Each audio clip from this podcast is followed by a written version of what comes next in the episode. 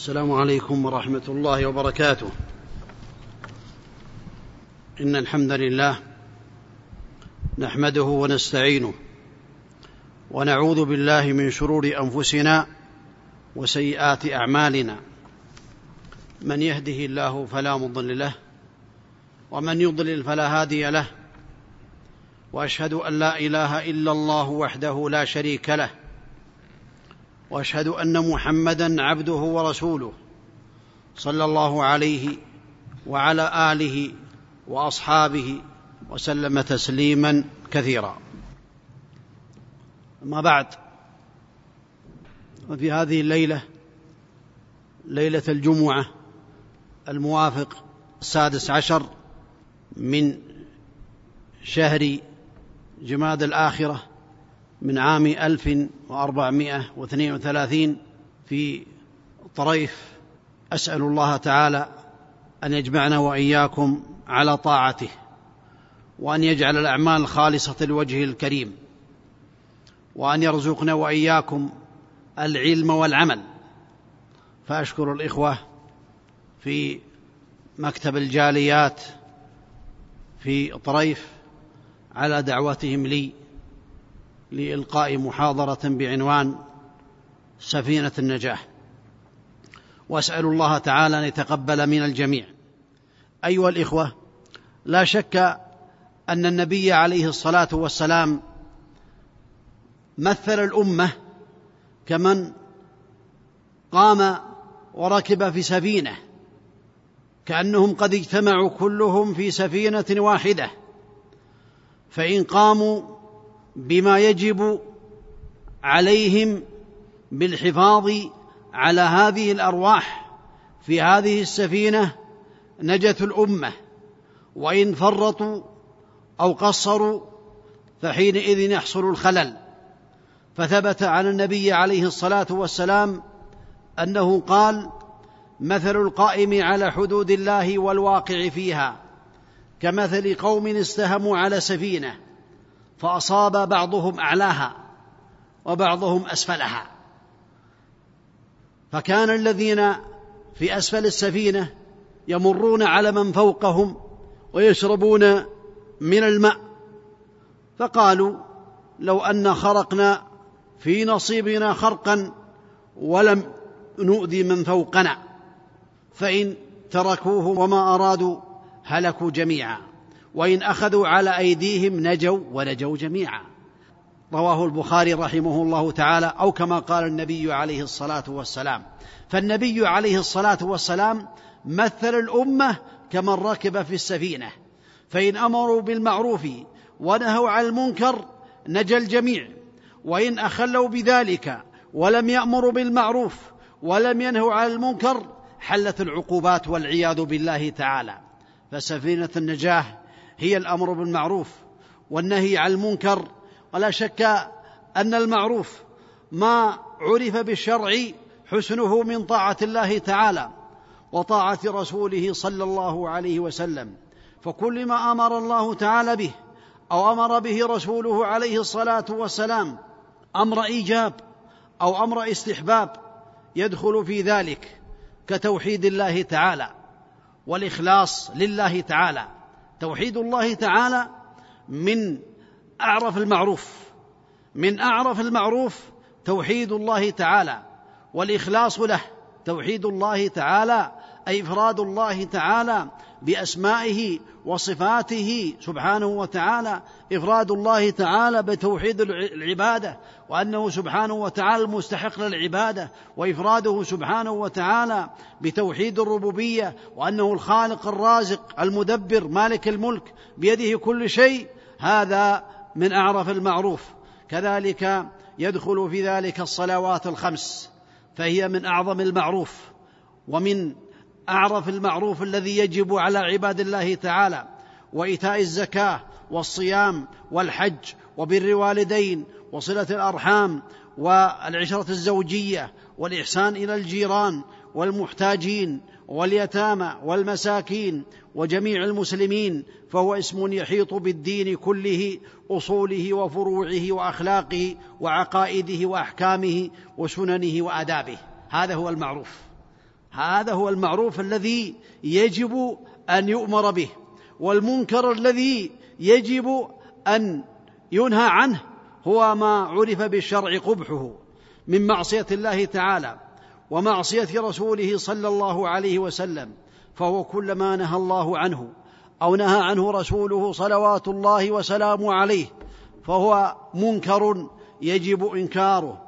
وكذلك تنزيه الله تعالى عن المشابه والنظير والمماثل. هذا من الأمور التي يجب أن يوحد بها سبحانه وتعالى. فيدخل في ذلك كل اعتقاد أو قول أو عمل أنكره الله ورسوله كالشرك والعياذ بالله وهو أن تجعل لله ندا وهو خلقك وعقوق الوالدين وقطيعه الأرحام والتهاون بالفرائض كأركان الإيمان والإسلام وظلم العباد والوقوع في المحرمات كالقتل والسرقة والزنا وشرب الخمر وإيذاء الجيران وإيذاء المسلمين وتعاطي أسباب ذلك ودواعيه ووسائله التي توصل إليه.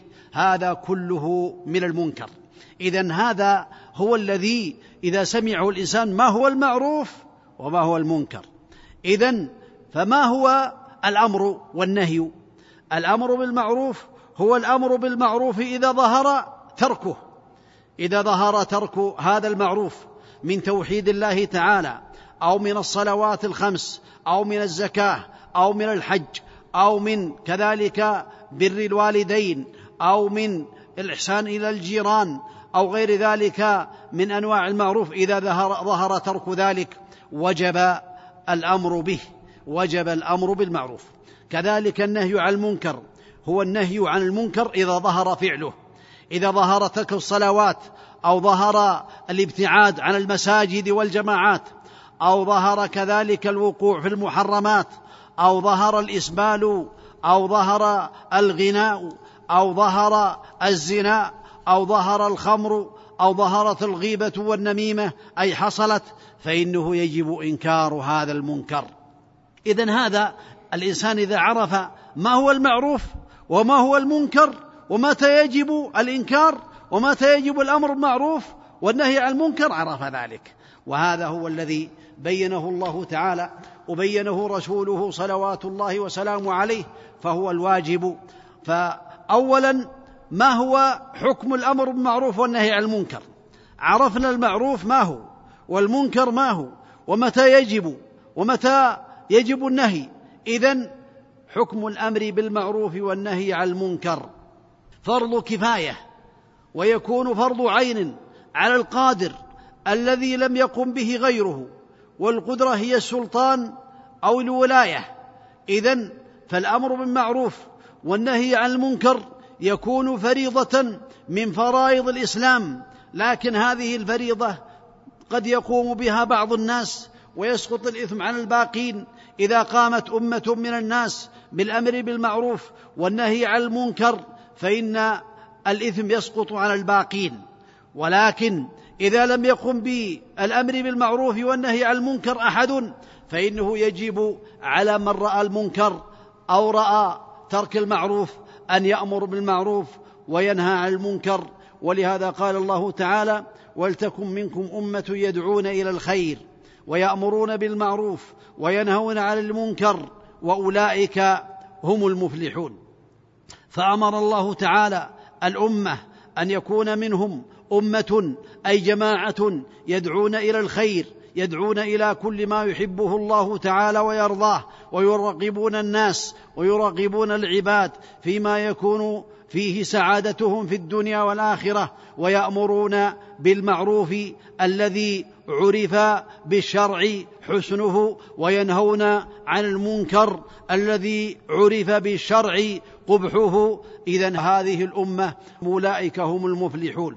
المفلحون الفائزون الذين فازوا بسعادة الدنيا وسعادة الآخرة ونجوا من عقاب الله تعالى ونجوا من عذابه وكانت لهم السعادة في الدنيا والآخرة فهم رابحون مفلحون فائزون بكلام الله تعالى الذي إذا أراد شيئا فإنما يقول له كن فيكون.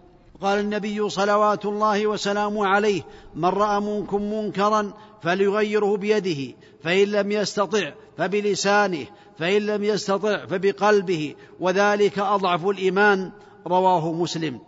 ولا شك أن هذا من الواجبات التي تجب على كل مسلم إذا رأى المنكر أن ينكره. حتى لو كان هناك أمة وجماعة يأمرون بالمعروف وينهون عن المنكر ورأى هذا الشخص منكرا يرتكب فإنه يجب عليه أن ينكر هذا المنكر لقول النبي صلوات الله وسلامه عليه من رأى منكم منكرا فليغيره بيده. اذا التغيير باليد يكون للسلطان ويكون للأب ويكون للأمير ويكون للزوج إذا كان عنده يعني إذا رأى منكرا يغيره بيده. أما من لم يكن كذلك وليس له ولاية فإنه في هذه الحالة ينتقل إلى اللسان. فليغيره بيده فإن لم يستطع فبلسانه. يغيره باللسان يأمر بلسانه. وهذا يكون لسائر الناس. رأيت رجلا من المسلمين وأنت ليس بأمير ولا لك سلطة لا زوجية ولا أبوة فإن لك في هذه الحالة أن تأمره بلسانك وتنهاه بلسانك لأنك لا تملك إلا ذلك. فإن خفت من القتل وخفت من العذاب المحقق لك انتقلت إلى القلب. وليس وراء ذلك كما بين النبي عليه الصلاة والسلام بل ذلك هو أضعف الإيمان. اذا الأمر بالمعروف والنهي عن المنكر على هذه المراتب على حسب الاستطاعة. باليد لمن ولاه الله تعالى أو كان له ولاية أو كان له سلطة باللسان لسائر الناس بالقلب لمن خاف العذاب أو خاف الوقوع الوقوع العذاب المحقق أو القتل انتقل إلى القلب. فيكره هذه المعصية ويكره هذا الذنب وينكر بقلبه ولكن لا بد أن يفارق هذا المكان لأن بعض الناس ينكر بقلبه ولكنه لا يفارق المنكر لا بد من مفارقة المكان الذي فيه المنكر يفارقه ولا يجلس مع هؤلاء الذين يعملون السيئات ولكنه إذا جلس معهم وصاحبهم ورافقهم فإنه يعتبر بذلك لم ينكر بقلبه إنكارا حقيقيا وإنما هذا ليس بصحيح لا بد من المفارقة. المفارقة لمكان المنكر الذي حرمه الله تعالى أو حرمه رسوله عليه الصلاة والسلام. وثبت عن النبي عليه الصلاة والسلام في صحيح مسلم أنه قال صلوات الله وسلامه عليه. ما من نبي بعثه الله في أمة قبلي إلا كان له من امته حواريون وأصحاب يأخذون بسنته ويقتدون بأمره ثم إنها تخلف من بعدهم خلوف يقولون ما لا يفعلون ويفعلون ما لا يؤمرون فمن جاهدهم بيده فهو مؤمن ومن جاهدهم بلسانه فهو مؤمن ومن جاهدهم بقلبه فهو مؤمن وليس وراء ذلك من الإيمان حبة خردل رواه مسلم. هذا يدل على هذه المراتب وأن أن الأنبياء عليهم الصلاة والسلام لهم أصحاب ولهم حواريون ينصرونهم فحينئذ يخلف من بعدهم خلوف فإذا هؤلاء الخلوف لا بد أن يجاهدوا. الجهاد باليد لمن كان له سلطة كما سمعتم والجهاد باللسان الأمر بالمعروف والنهي عن المنكر بالحكمة بالقول اللين بالكلام البين الواضح بالأدلة من كتاب الله تعالى ومن سنة النبي عليه الصلاة والسلام. مثال ذلك لو رأى رجلا لم يصلي مع جماعة المسلمين هاجر الجماعة وصلى لوحده فحينئذ يأمر ينهاه أو يأمره بهذا المعروف. الصلاة معروف صلاة مع الجماعة من أعظم المعروف. فيقول إن الله تعالى يقول وأقيموا الصلاة وآتوا الزكاة واركعوا مع الراكعين. الله تعالى أمرك أن تركع مع الراكعين. ويقول النبي صلوات الله وسلامه عليه من سمع النداء ثم لم يأتي فلا صلاة له إلا من عذر.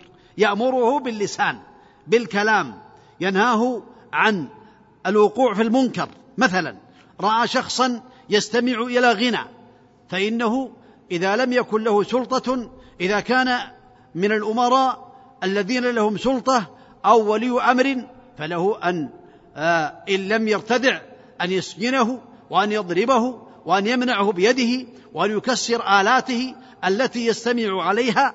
أما إذا لم يكن له سلطة فإنه ينتقل إلى اللسان بالأمر بالمعروف والنهي عن المنكر فيقول يقول الله تعالى ومن الناس من يشتري له الحديث ليضل عن سبيل الله بغير علم ويتخذه هزوا أولئك لهم عذاب مهين. يبين له ذلك ويبين له أن النبي عليه الصلاة والسلام بين بأن من الناس في آخر الزمان من يستحلون الحرى والحرير والخمر والمعازف. رأى رجلا يسبل ثيابه أسفل من الكعبين فإن كان له سلطة كان ولي أمر فله أن يعاقبه وله أن يقص ثوبه بالقوة. إن كان إن لم يمتثل فإن لم يكن له سلطة انتقل إلى اللسان. فيأمره يقول النبي عليه الصلاة والسلام يقول ما تحت الكعبين ففي النار. ويقول عليه الصلاة والسلام ثلاثة لا ينظر الله إليهم ولا يزكيهم ولهم عذاب أليم. قيل خابوا وخسروا. من هم يا رسول الله؟ قال المس بالإزارة والمنان والمنفق سلعته بالحلف الكاذبة أو بالكاذب أو كما قال النبي عليه الصلاة والسلام وهكذا باللسان. فإن عجز عن ذلك وخشي القتل أو خشي الضرب والسجن انتقل إلى هجر هذا إلى الإنكار بالقلب ومفارقة هذا المكان. فلا يجلس مع أصحاب المعاصي وينكر بقلبه لا يفارقهم ينكر عليهم بقلبه لأنه يخاف ويفارق هؤلاء أصحاب المعاصي. هكذا هو مفهوم من هذه الأحاديث التي بينها النبي عليه الصلاة والسلام. ولا شك أن النبي عليه الصلاة والسلام كان يبايع الصحابة على الأمر بالمعروف والنهي عن المنكر. فعن جرير بن عبد الله رضي الله عنه قال بايعت رسول الله صلى الله عليه وسلم على إقام الصلاة وإيتاء الزكاة والنصح لكل مسلم. اذا هذا من الواجبات العظيمة ومن الفرائض العظيمة التي فرضها الله تعالى على عباده الأمر بالمعروف والنهي عن المنكر. ولا شك أن الأمر بالمعروف والنهي عن المنكر لمن قام به يحصل على الثواب العظيم وعلى الأجر الكبير وعلى رفعة الدرجات في الدنيا والآخرة. فمن ذلكم الفلاح والفوز لمن أمر بالمعروف ونهى عن المنكر. فقد قال الله تعالى كما سمعتم وأولئك هم المفلحون هم الفائزون هم الرابحون هم السعداء في الدنيا والآخرة الآمرون بالمعروف والناهون عن المنكر والحافظون لحدود الله هؤلاء هم السعداء وهم الفائزون المفلحون. والأمر بالمعروف والنهي عن المنكر جهاد في سبيل الله تعالى. ولهذا سمعتم في الحديث فمن جاهدهم بيده فهو مؤمن ومن جاهدهم بلسانه فهو مؤمن ومن جاهدهم بقلبه فهو مؤمن وليس وراء ذلك حبة خردل من إيمان. أو كما ثبت في الحديث عن النبي عليه الصلاة والسلام. الأجر العظيم لمن أمر بالمعروف ونهى عن المنكر. فقد قال الله تعالى لا خير في كثير من نجواهم إلا من أمر بصدقة أو معروف أو إصلاح بين الناس. ومن يفعل ذلك ابتغاء مرضات الله فسوف نؤتيه أجرا عظيما. تفخيم. اجرا عظيما. لا خير في كثير من نجواهم من كثير في كثير من محالاة الناس ولا مسارة الناس ولا كلام الناس. لا خير في كثير من نجواهم إلا من أمر بصدقة أو معروف أو إصلاح بين الناس. ومن يفعل ذلك ابتغاء مرضات الله فسوف نؤتيه أجرا عظيما. من يأمر بالمعروف وينهى عن المنكر أو يأمر بالصدقة أو يأمر بالإصلاح بين الناس فإن هذا يحصل على الأجر العظيم الذي بينه الله تعالى في هذه الآية العظيمة. وثبت عن النبي عليه الصلاة والسلام كما رواه مسلم في صحيحه أنه قال عليه الصلاة والسلام من دل على خير فله مثل أجر فعله. هذا ثواب عظيم. دللت إنسانا على خير علمته الصلاة حتى صلى كما كان النبي عليه الصلاة والسلام يصلي. فلك مثل أجره. صلواته كلها له. لكن لك مثل هذه الصلوات. أمرته بمعروف بالإحسان إلى الوالدين أو للجيران أو اليتامى والمساكين. فعمل بذلك. فلك مثل ذلك. كما قال النبي عليه الصلاة والسلام.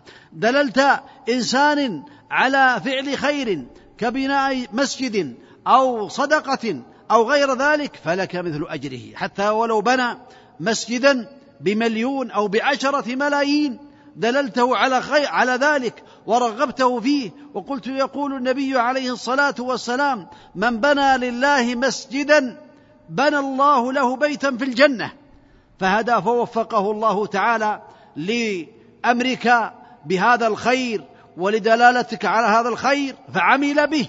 فلك مثل أجره كما بين النبي عليه الصلاة والسلام. وهكذا أي عمل خير دللت عليه فلك مثل أجره كما بين النبي عليه الصلاة والسلام في هذا الحديث وفي غيره.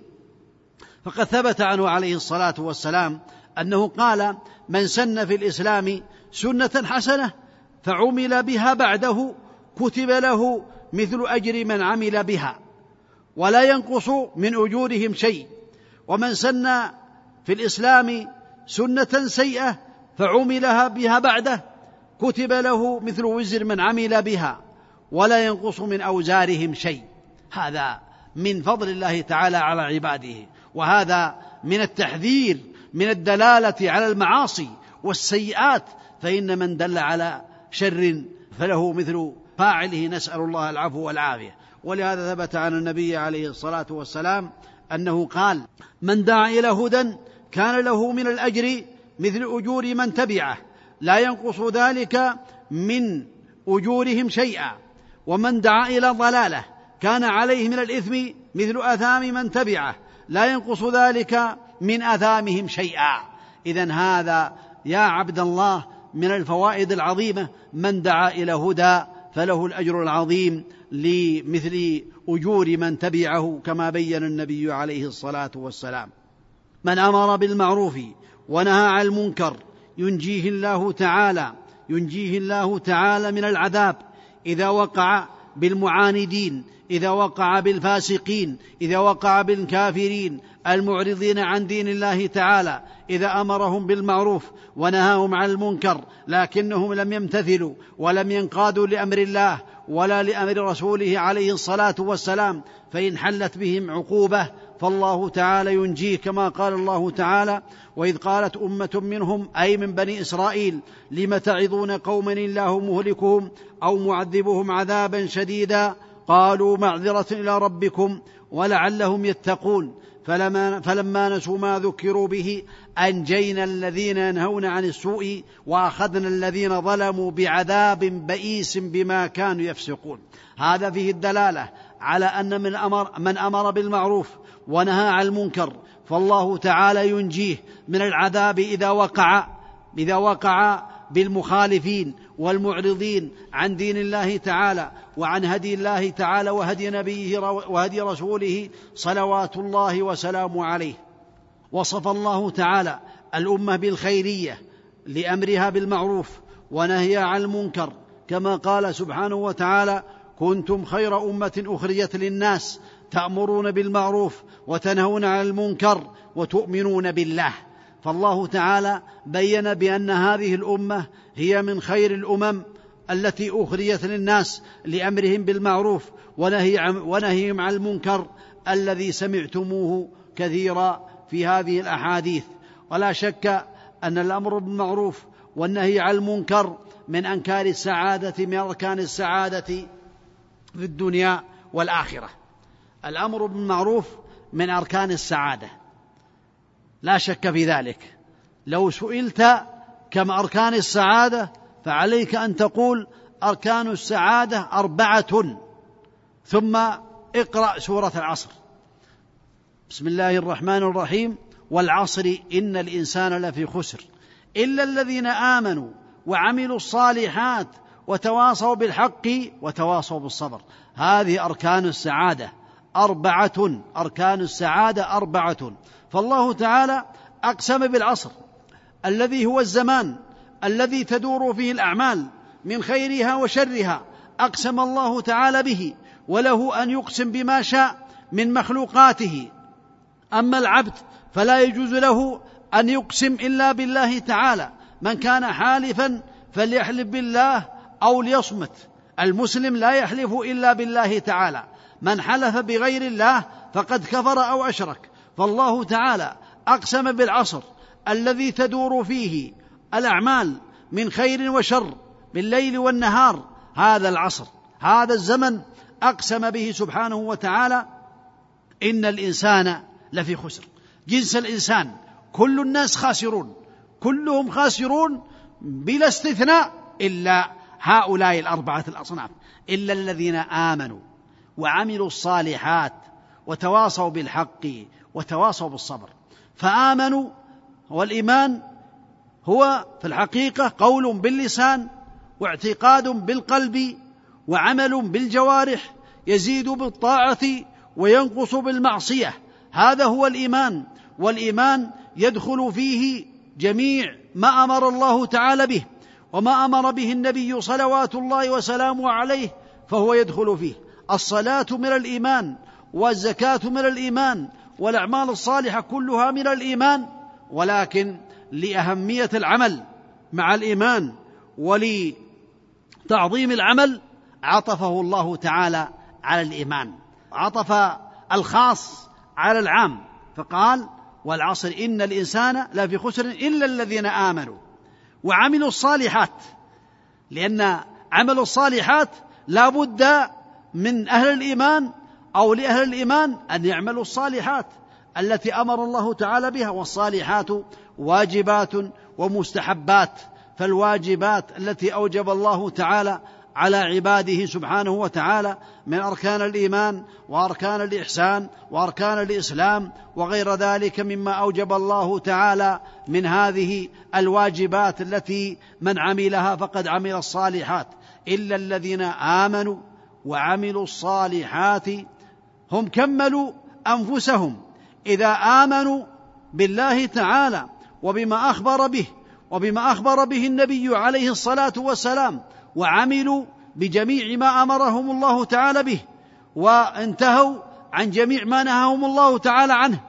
إذا فعلوا ذلك كملوا أنفسهم ثم يكملوا غيرهم وتواصوا بالحق. أي بينهم تواصوا بالأمر بالصلوات مع الجماعة تواصوا ببر الوالدين تواصوا بإحسان للجيران تواصوا بصلة الأرحام تواصوا بالإحسان إلى الجيران وإلى الأقرباء تواصوا بالمراقبة لله تعالى تواصوا بترك الغيبة والنميمة تواصوا بالتكاسل عن بالتكا عن النهي عن ترك الصلوات مع جماعة المسلمين وتواصوا بالحق. وتواصوا بالصبر. أي تواصوا بالصبر على أقدار الله المؤلمة التي تصيب الإنسان في جسده وتواصوا بالصبر على طاعة الله تعالى وتواصوا بالصبر عن محارم الله التي حرم الله تعالى عليهم.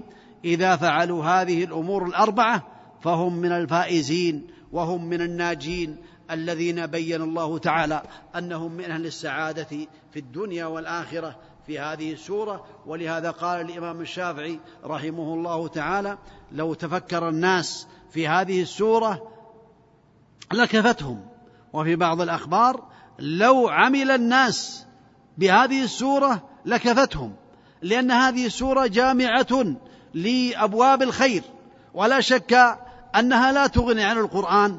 ولكن المعنى أن الإنسان لو فكر لوجد لو الواجبات التي أوجب الله تعالى تدخل في الإيمان في الأمر بالإيمان والأعمال الصالحة يدخل فيها كل ما أمر الله تعالى به.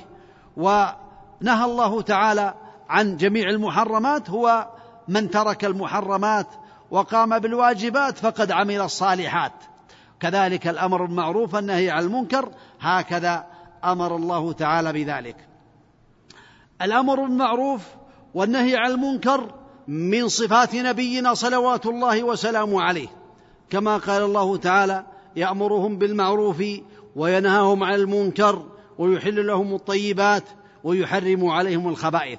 وهذا بيان لكمال رسالته صلوات الله وسلامه عليه.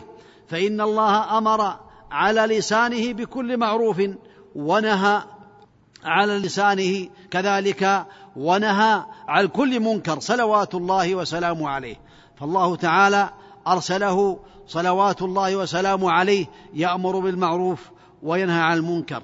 كما قال النبي عليه الصلاة والسلام بعثت ليتمم مكارم الأخلاق فهو بعث عليه الصلاة والسلام ليتمم مكارم الأخلاق من من تمام مكارم الأخلاق الأمر بالمعروف والنهي عن المنكر وجميع ما يحبه الله تعالى ويرضاه والابتعاد عن جميع ما حرمه الله تعالى ويأباه هذا من الأمور التي بعث بها النبي صلوات الله وسلامه عليه.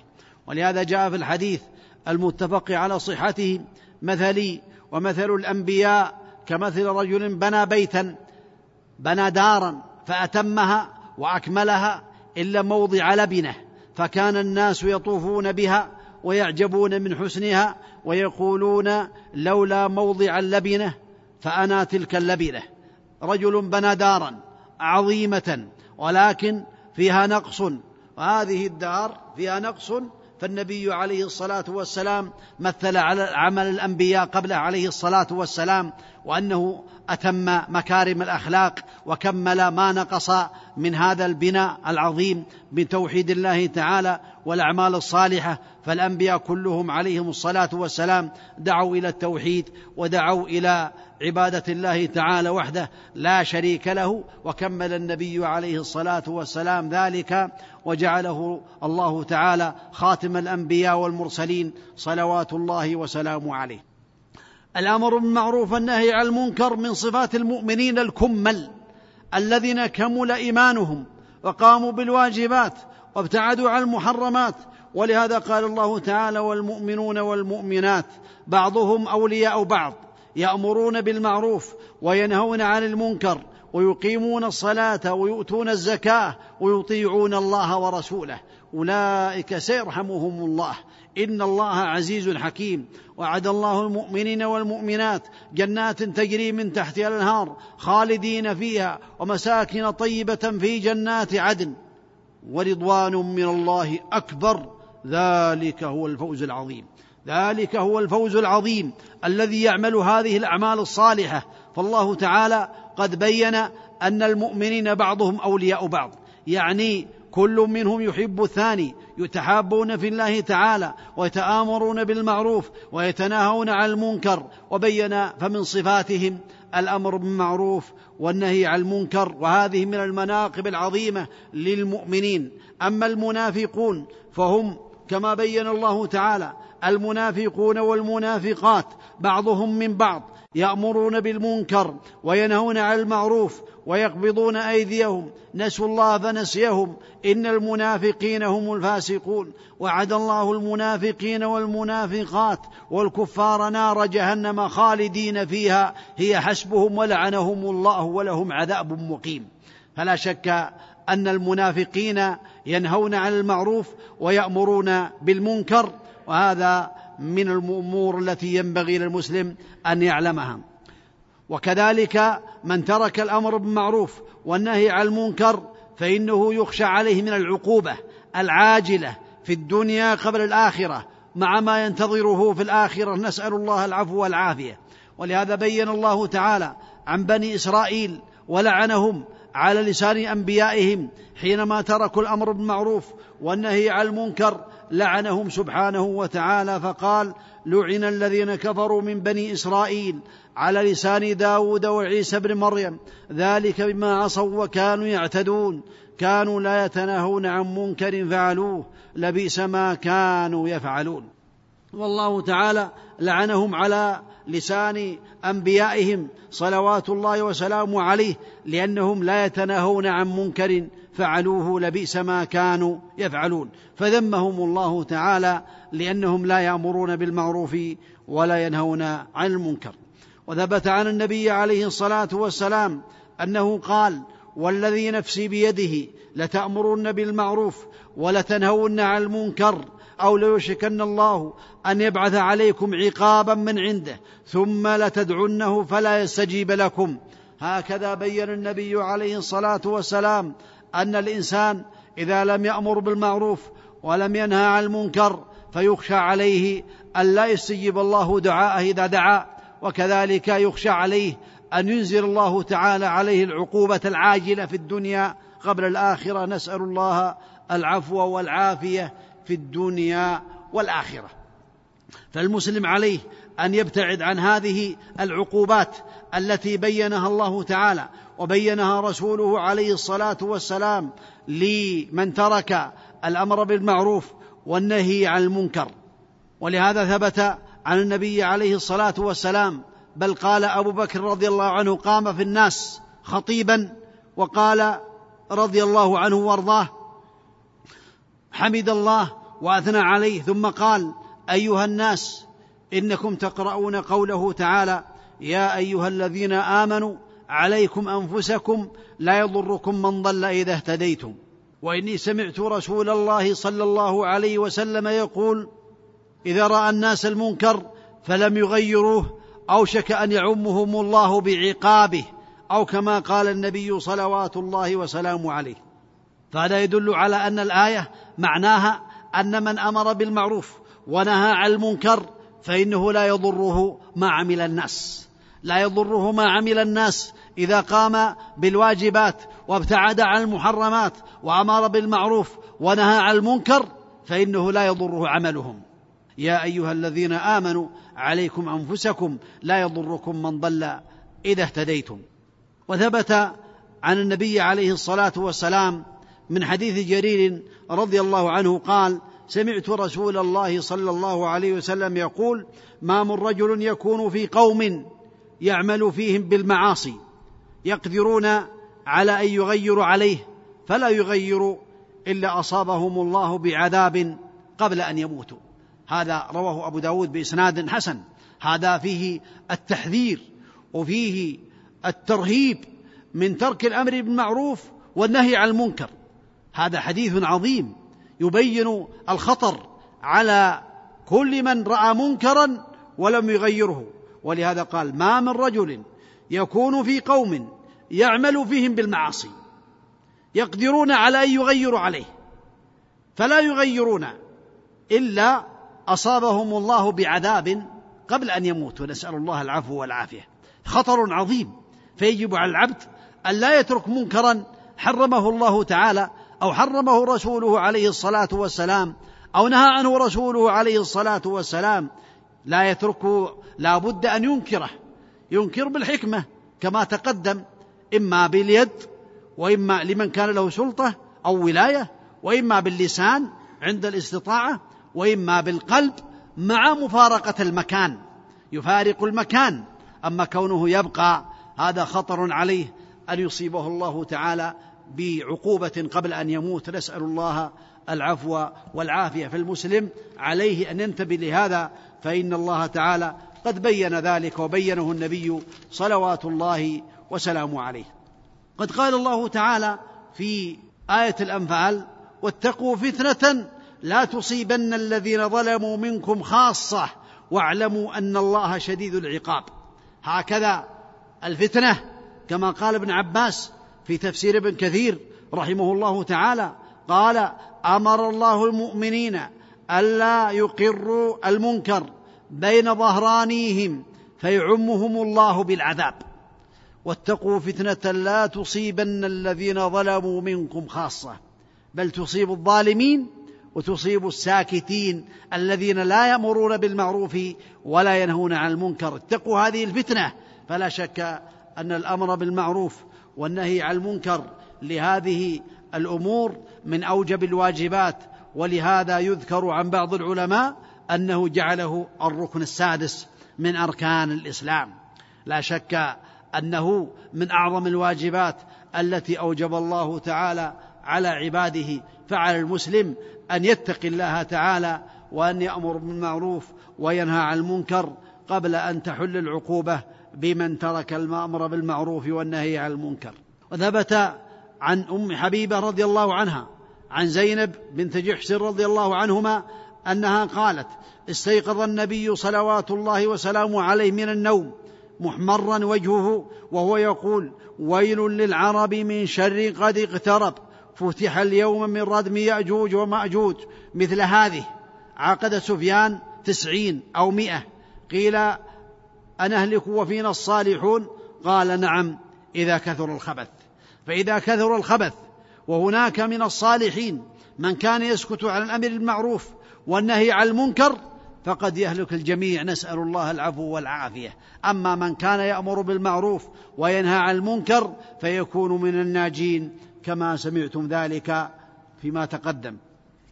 قال الله تعالى إن الذين يكتمون ما أنزلنا من البينات والهدى من بعد ما بيناه للناس في الكتاب أولئك يلعنهم الله ويلعنهم اللاعنون. هذا خطر على العبد المسلم. إذا رأى منكرا ولم يغيره وكتم ما أمر الله إذا كان يعلم ذلك كتم ما بين الله تعالى لعباده في كتابه وما بينه النبي عليه الصلاة والسلام فيخشى عليه من الوقوع في هذا العذاب وفي هذا الوعيد الشديد الذي ذكره الله سبحانه وتعالى.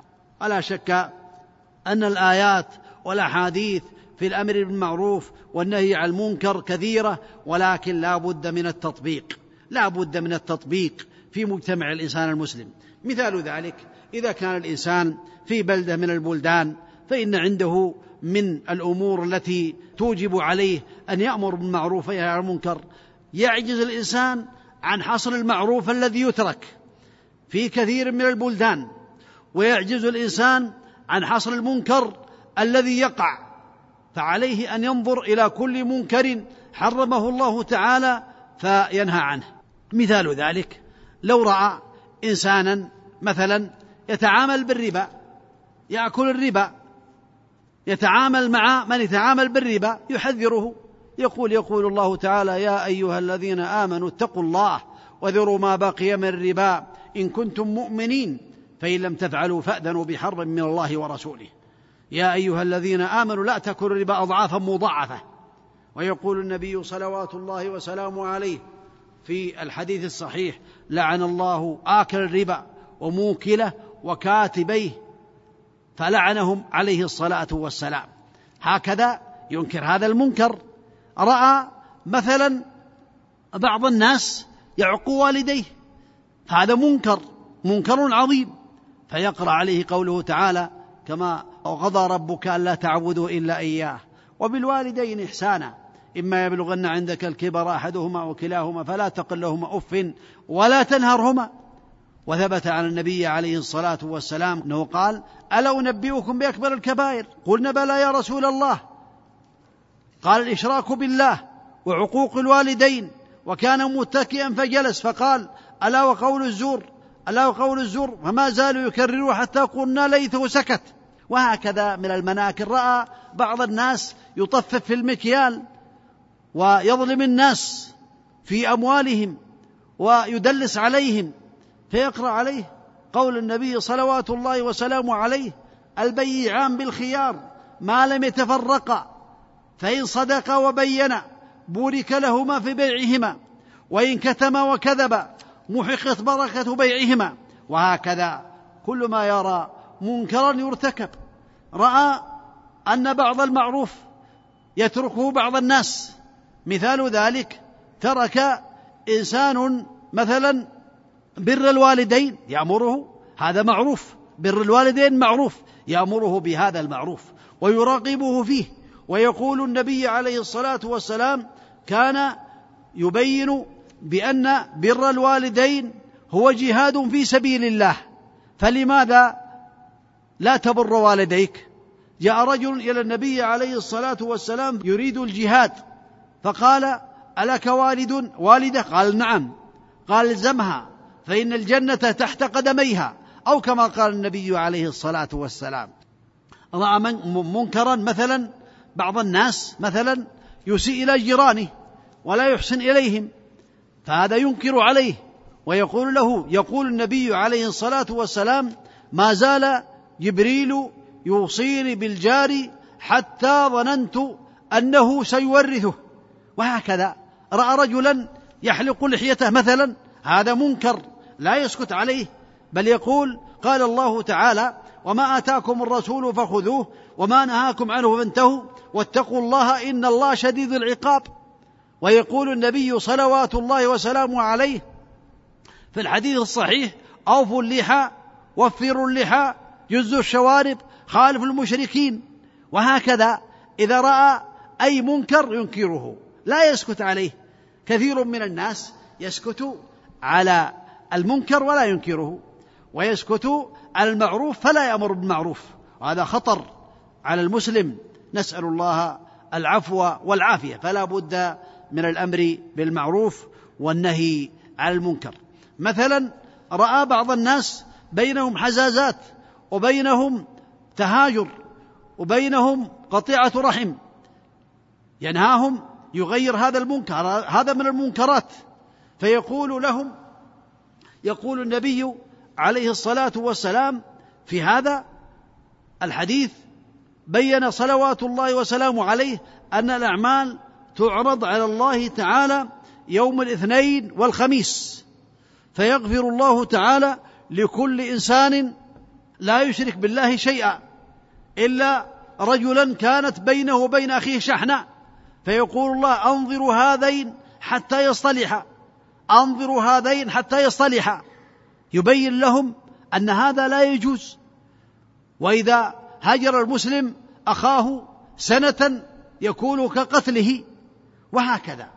كل ما يرى منكرا من المنكرات رأى رجلا ينظر إلى ما حرم الله من النساء أو غيرهن يأمره يقول الله تعالى قل للمؤمنين يغضوا من أبصارهم ويحفظوا فروجهم بالكلام الطيب بالإحسان وهكذا فعلى المسلم أن يأمر بالمعروف وينهى عن المنكر حتى يكونوا من أولياء الله تعالى ويكونوا من السعداء الذين يكونون مع هدي النبي صلوات الله وسلامه عليه. هناك آداب وقواعد في الأمر بالمعروف والنهي عن المنكر لا بد منها. لا بد أن تتوفر للآمر بالمعروف والنهي عن المنكر. فمن هذه الأمور الإخلاص. لا بد أن يكون الأمر بالمعروف والنهي عن المنكر إخلاصا لله. يبتغي بذلك وجه الله تعالى. وما أمروا إلا ليعبدوا الله مخلصين له الدين.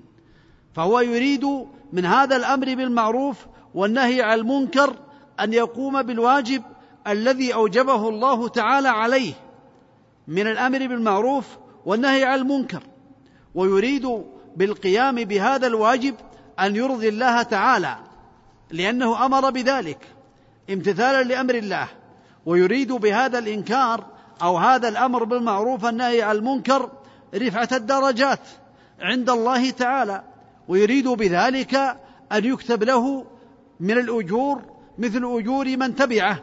من دل على خير فله مثل أجر فاعله. هذا هو الإخلاص.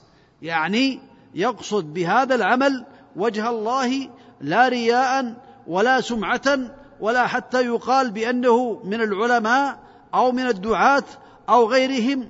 يقصد وجه الله تعالى إخلاصا لله تعالى. ولهذا قال الله تعالى كما سمعتم في الآية لا خير في كثير من نجواهم إلا من أمر بصدقة أو معروف أو إصلاح بين الناس ومن يفعل ذلك ابتغاء مرضات الله فسوف نؤتيه أجرا عظيما. الأمر الثاني العلم. فلا بد أن يكون الإنسان على علم فيما يأمر به وعلى علم فيما ينهى عنه. فلا يأمر بشيء ليس عنده فيه دليل. المعروف ما أمر الله تعالى به وأمر به رسوله عليه الصلاة والسلام وعرف بالشرع بالشرع عرف حسنه فلا يأمر إلا بعلم ولا ينهى إلا عن علم. فلو رأى إنسانا يعمل عملا وينهى بدون دليل ما يدري لا. لكن هناك من الأمور من قد يعلمها سائر الناس وجميع الناس في الغالب. مثل ترك الصلاة كل الناس يعرفون بأن ترك الصلاة من المحرمات. مثل شرب الخمر مثل عقوق الوالدين مثل الإساءة إلى الجيران. هذا لا يحتاج إلى أدلة كل الناس يعرفون هذا. لكن الأمور التي لا يدري هل هي حلال أم حرام لا ينكر فيها حتى يتبين له الدليل أو يسأل العلماء عن هذا. الخلاصة لا بد من العلم.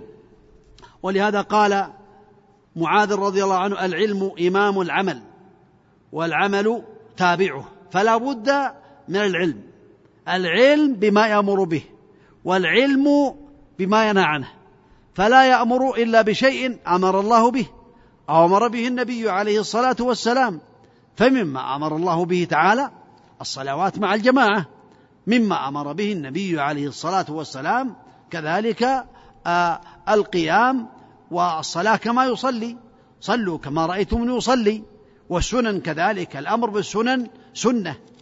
الأمر بالسنن سنة من السنن. مثلا يقول لمن يراه يترك سنة الراتبة قال النبي صلوات الله وسلامه عليه من صلى لله اثنتي عشرة ركعة تطوعا في يوم بنى الله له بيتا في الجنة. هكذا.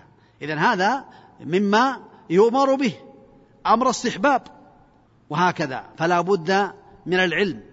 أما كون الإنسان يأمر عن غير علم فيما لا يعلم هل هو حلال أم حرام لا يأمر إلا بشيء يتيقن بأن الله تعالى أمر به ولا ينهى عن شيء إلا بعد أن يتيقن بالأدلة أو بكلام أهل العلم بأن الله تعالى حرمه سبحانه وتعالى فلا بد من العلم. كذلك لا بد من الرفق ولا يكون شديدا. كما قال النبي عليه الصلاة والسلام ما كان الرفق في شيء إلا زانه وما نزع من شيء إلا شانه. وقال إن الله رفيق يحب الرفق في الأمر كله ويعطي عليه ما لا يعطي على العنف. فلا بد من الرفق. الرفق بالمأمور والرفق كذلك بمن نهي عن منكر لا بد أن يرفق به بالكلام الطيب. يا أبا عبد الله يا فلان يا عبد الله يا عبد الله اتق الله. وارفع إزارك يا عبد الله اتق الله راقب ربك. بر والديك جزاك الله خيرا. اتق الله اجعل بينك وبين عقاب الله وقاية. تقيك من عذابه تقيك من غضبه. بارك الله فيك أحسن الله إليك. ها؟ هكذا. لا بد من الرفق ولا بد مع ذلك من الحلم وهو عدم الغضب والانفعال. فإن الحلم في الحقيقة من الأمور التي ينبغي للآمر والناهي أن يتحلى بها. لكنه إذا غضب ولم يتمالك أو يملك نفسه فإنه في الحقيقة قد يفسد أكثر مما يصلح. ولهذا قال النبي عليه الصلاة والسلام حينما سئل عن بين عليه الصلاة والسلام قال بأن الذي يملك نفسه عند الغضب هو الذي يكون شجاعا ويكون قويا شديد السرعة. من يملك نفسه عند الغضب. فلا شك أن الإنسان يجب عليه في أمره ونهيه أن يكون حليما. كذلك الصبر. لا بد أن يصبر على ما يأتي من الأذى من الناس. فهذه ثلاثة الأمور كما ذكر شيخ الإسلام ابن تيمية رحمه الله تعالى أن يكون هذا الإنسان أو الآمر والناهي لا بد من هذه الأمور العلم قبل الأمر والنهي قبل أن يأمر قبل أن ينهى يكون عالما بما يأمر به عالما بما ينهى عنه والرفق معه يعني الرفق مع الأمر بالمعروف والنهي عن المنكر والصبر بعده بعد أن يأمر بالمعروف وينهى عن المنكر لا بد أن يصبر على ذلك حتى يحصل على الثواب ويحصل على الخير. فلا شك أن هذه الأمور لا بد منها. كذلك من الأمور التي ينبغي للآمر والناهي أن يلتزم بها أن يعلم بأن درء المفاسد مقدم على جلب المصالح. درء المفاسد مفسدة. إذا علم بأنه إذا أصلح شيئا وقام به فقد يحصل مفسدة فإنه لا يأمر بالمعروف ولا ينهى عن المنكر إذا علم بأن المفسدة تحصل مثال ذلك ما فعله النبي عليه الصلاة والسلام حينما قال لعائشة لولا أن قومك حديث عهد بجاهلية لأمرت بالبيت وجعلت له بابا شرقيا أو بابا يدخل الناس معه وبابا يخرجون أو كما قال عليه الصلاة والسلام ولا أدخلت الحجر في البيت أو كما قال عليه الصلاة والسلام. فمنع النبي عليه الصلاة والسلام منع النبي عليه الصلاة والسلام من هدم البيت وبناء على قواعد إبراهيم أن الناس كانوا حديث عهد بالجاهلية. قد يقولون هدم بيت الله ولهذا تركه النبي عليه الصلاة والسلام. كذلك دار المفاسد مقدم على جلب المصالح. جاء رجل وبال في المسجد في مسجد النبي عليه الصلاة والسلام فانتهروا الصحابة وأرادوا أن يقعوا به فقال دعوه لا تزرموه يعني اتركوه يبول بال في المسجد. أعرابي جاء ثم ما لبث أن رفع ثوبه وبال في المسجد. فترك النبي عليه الصلاة والسلام هذا الرجل حتى بال في المسجد ثم دعاه وقال له إن هذه المساجد لم تبنى لهذا أو كما قال عليه الصلاة والسلام وإنما بنيت لقراءة القرآن والصلاة وذكر الله ولا يصلح فيها شيء من هذه القاذورات أو كما قال النبي صلوات الله وسلامه عليه. فذكر العلماء أن النبي عليه الصلاة والسلام ترك يبول لأنه قد يحصل مفسدة إما بأن النجاسة تكون في مواضع كثيرة في المسجد بدل ما تكون في مكان تتوزع هذه النجاسة في أماكن في المسجد. ومنهم من قال ربما يتضرر هذا الإنسان فيحصل بحبس بوله مفسدة. ومنهم من قال غير ذلك.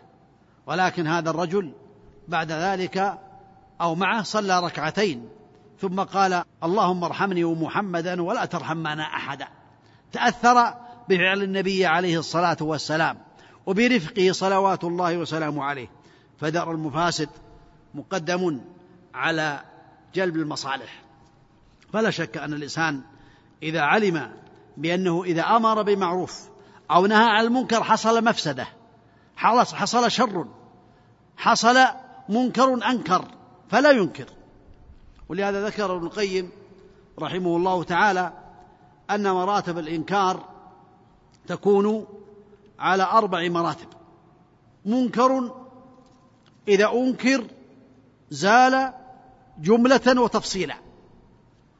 مثال ذلك لو رأى رجلا يتأخر عن الصلاة أو لا يغلق الدكان أو لا يغلق يعني أبواب السوبر ماركت أوقات الصلاة. وليس هناك من يأمره؟ إلا هو. وإلا فيجب على الهيئة أن يعمل ذلك لكن قد لا يكون هناك هيئة. فإنه إذا أنكر عليه وعلم بأن المنكر يزول جملة وتفصيلا يغلق المحل ويذهب إلى المسجد فإنه في هذه الحالة يجب عليه أن ينكر عليه. لأنه زال المنكر جملة وتفصيلا. ومنكر ينكر مثلا فيخف المنكر. يخف لا يزول كله ولكنه يخف. فهذا ينكر لأنه يخفف المنكر. ومنكر إذا أنكر خلفه مثله. هذه المرتبة الثالثة. عنده يقين بأنه لو نهى عن هذا المنكر فإنه يحصل منكر آخر مثله تماما. فهذا توقف عنه الإمام ابن القيم رحمه الله تعالى وقال هذا مختلف فيه. ولم يقل ينكر أو لا ينكر. لأنه لا يدري خلفه مثله. تماما. منكر خلفه مثله. إذن هذا قال مختلف فيه. الدرجة الرابعة وهي التي يحرم الإنكار فيها. قال منكر إذا أنكر حصل منكر أنكر منه.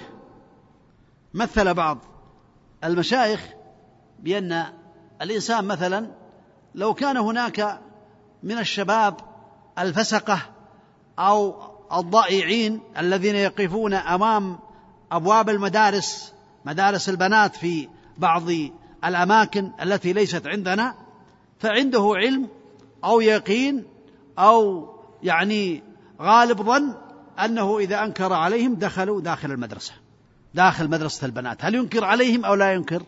قالوا لا ينكر لأنه يحصل منكر أنكر.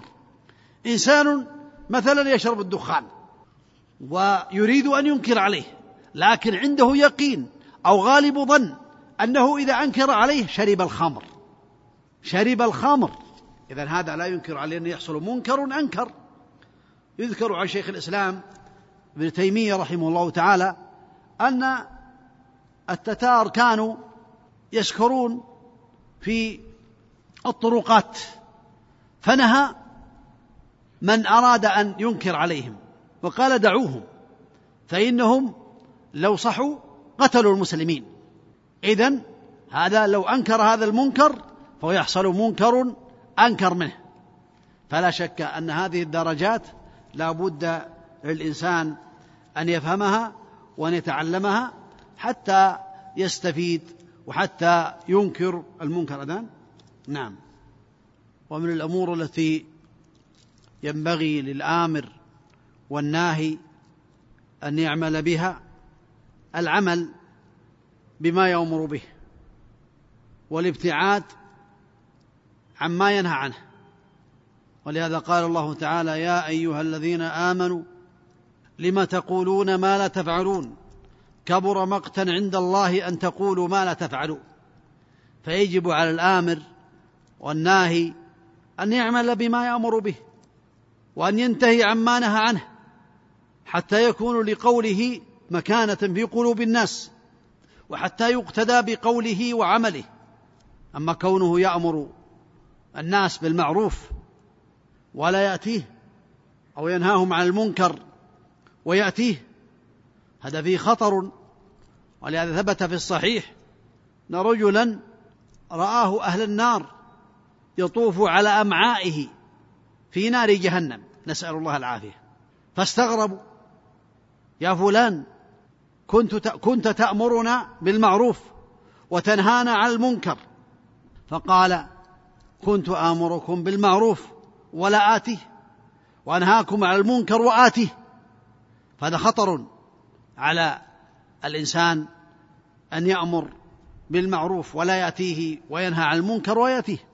ولكن لا يجعله يتقاعس عن الأمر بالمعروف والنهي عن المنكر. لأنه يجب على الإنسان واجبان. اثنان الواجب الأول أن يعمل بما أمر الله به ويبتعد عما نهى الله عنه. والواجب الثاني أن يأمر بالمعروف وينهى عن المنكر. فإن قام بأحد الواجبين سقط الواجب الآخر والواجب عليه أن يقوم بالواجبين. مثال ذلك إنسان يحلق لحيته ما هذا من باب الأمثلة يحلق لحيته ورأى إنسانا آخر حليقا مثله فأن هذا في الحقيقة يجب عليه أن ينكر على الثاني وإن كان حالقا لأنه قد قام بواجب وترك واجبا آخر. أما إذا لم ينكر فقد ترك واجبين اثنين. هكذا يسبل إزارة أو يتأخر عن صلاة الجماعة ويرى بعض الناس يتأخر عن صلاة قال اتقوا الله لا تأخروا عن صلاة الجماعة. وهو يتأخر نفسه. هذا قد قام بواجب وبقي عليه واجب آخر أن يعمله. فالخلاصة أن الإنسان لو لم يأمر بالمعروف وينهى عن المنكر إلا بعد الاكتمال وأن يكون كاملا. ما أمر بالمعروف أحد ولا نهى عن منكر أحد لأن الناس لا يكملون وكل إنسان فيه نقص ولكن عليه أن يعلم بأنه يجب عليه واجبان. الواجب الأول كما سمعتم أن يعمل بما أمر الله تعالى به وينهى وينتهي عما نهى الله عنه. والواجب الثاني أن يأمر بذلك وينهى عن المنكر وهذا الذي بينه العلماء رحمهم الله تعالى في هذا الباب. أسأل الله تعالى أن يجعلني وإياكم من الآمرين بالمعروف والناهين عن المنكر الذين يبتغون وجه الله تعالى يريدون ثوابه ويخشون عقابه. ونعوذ بالله أن نكون ممن يأمر بالمنكر وينهى عن المعروف ونسأل الله تعالى أن يتقبل منا ومنكم ومن جميع المسلمين وأن يرزقنا وإياكم العلم النافع والعمل الصالح والتوفيق لما يحبه ويرضاه. صلى الله وسلم وبارك على نبينا محمد وعلى آله وأصحابه أجمعين.